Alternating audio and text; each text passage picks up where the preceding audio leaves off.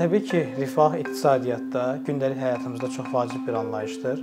İnsanların gündəlik həyatlarında təhsil, səhiyyə xidmətləri, sağlam qida, istirahət və digər bu kimi məhsulları, xidmətləri əldə etmək hüququ var, amma təəssüf ki, bu hər zaman e, bu şəkildə baş vermir. Yəni biz görürük ki, hazırda kiçik bir e, qrupun daha geniş imkanları var, böyük çoxluğun isə bəzən daha məhdud imkanları var və e, bunun da əsas səbəbi iqtisadi bərabərsizliklərdir.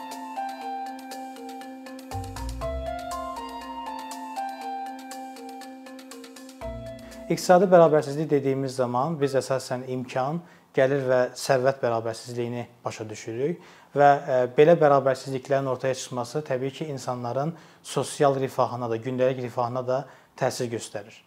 E, bu məsələni daha yaxşı anlamaq üçün e, biz öncə dünyanın son 10 illiklərdə gəlir dəyişikliyinə baxmalıyıq. Yəni biz Dünya Bankının məlumatına baxsaq görərik ki, 1960-cı ildən bu yana dünyanın ümumdaxili məhsulunda bir yüksəliş var.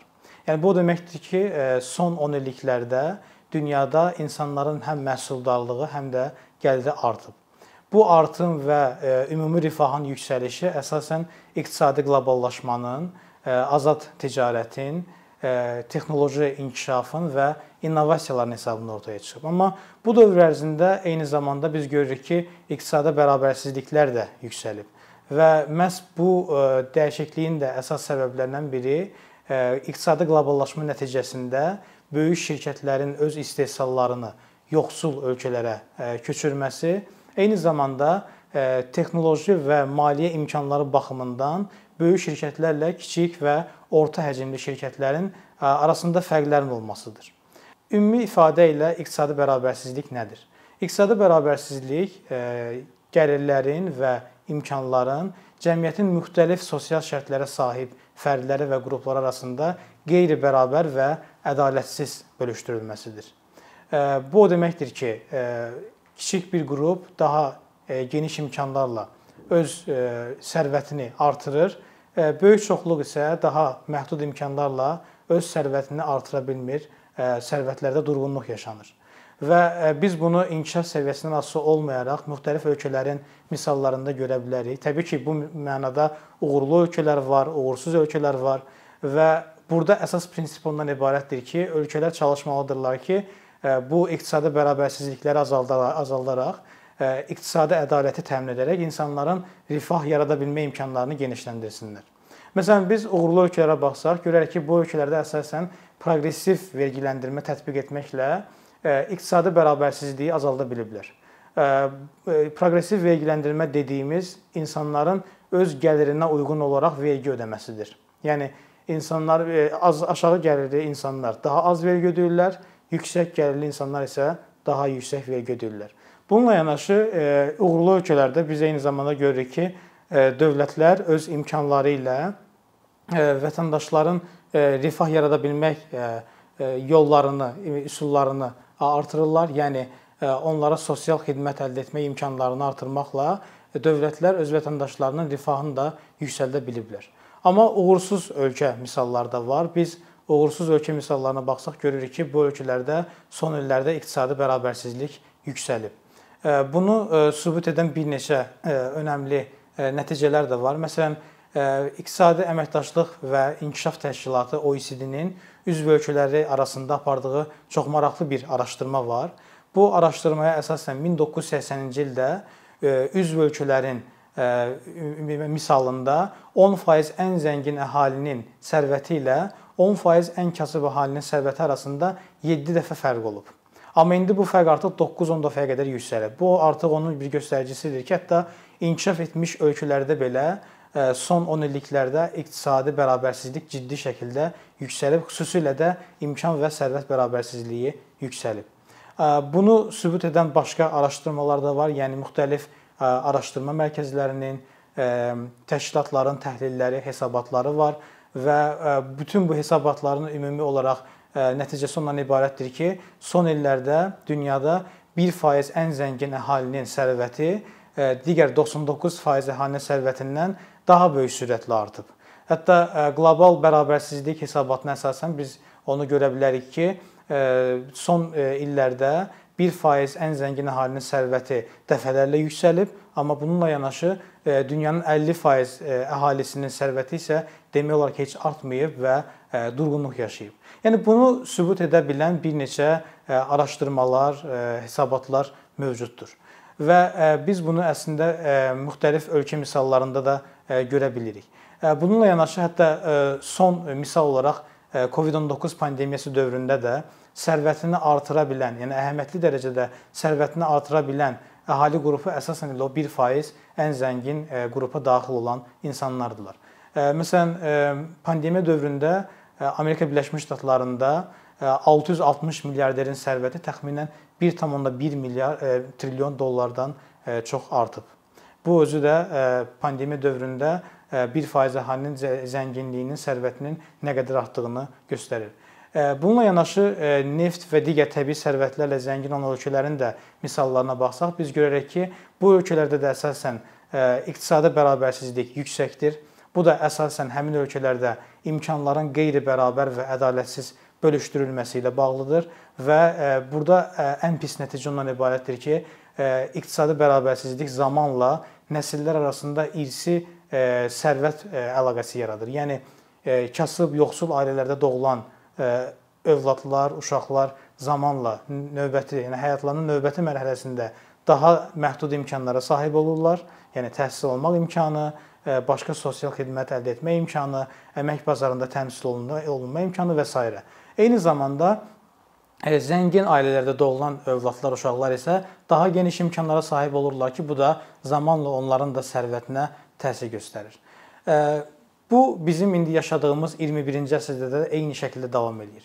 Yəni biz bu yaşadığımız əsrdə baxsaq görərik ki, iqtisadi bərabərsizliklər bu dövrdə də yüksəliblər və hətta deyərdim ki, öz əhatə dairəsini də genişləndiriblər. Məsələn, bu gün biz görürük ki, yeni texnoloji vasitələrinin də istifadəsində bəzi bərabərsizliklər mövcuddur. Məsələn, deyək ki, internetin istifadəsi və ya kompüterlərdən istifadə.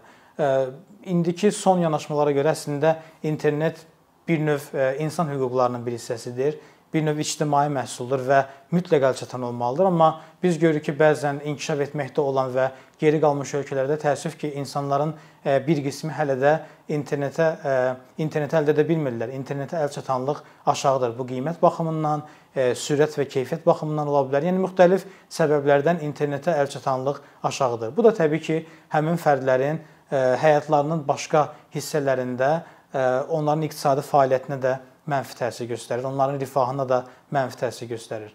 Bununla yanaşı biz şirkətlər misalında baxsaq görərik ki, 21-ci əsr texnologiyalarına əlçatanlıq heç də bütün şirkətlər üçün eyni deyil. Bu gün böyük şirkətlərin və zəngin şirkətlərin texnoloji imkanları digər aşağı maliyyə imkanlarına sahib şirkətlərlə müqayisədə daha yüksəkdir və bu nəticədə bazarda rəqabətə də təsir göstərir kiçik və orta həcmli şirkətlərin rəqabətdə daha dayanıqsız olmasına gətirib çıxarır. Bu da düşünürəm ki, 21-ci əsr iqtisadiyyatında e, iqtisadi bərabərsizliyə və rifaha e, yanaşma baxımından da əhəmiyyətli məqamlardan hesab oluna bilər.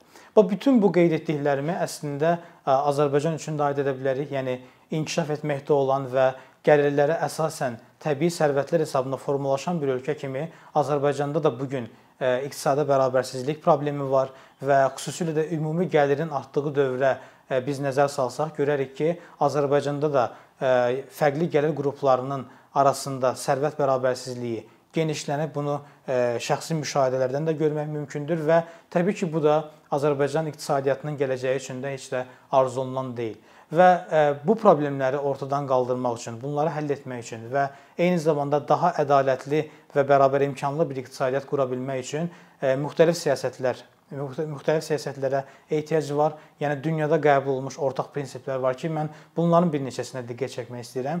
Birincisi ondan ibarətdir ki, hökumətlər, e, dövlətin qurumları e, daha keyfiyyətli və daha ədalətli davranmalıdırlar. Yəni e, dövləti təmsil edən qurumlar, institutlar çalışmalıdırlar ki, onların iqtisadi siyasətləri əsasən vətəndaşın rifahını və ədaləti mərkəzdə saxlasın.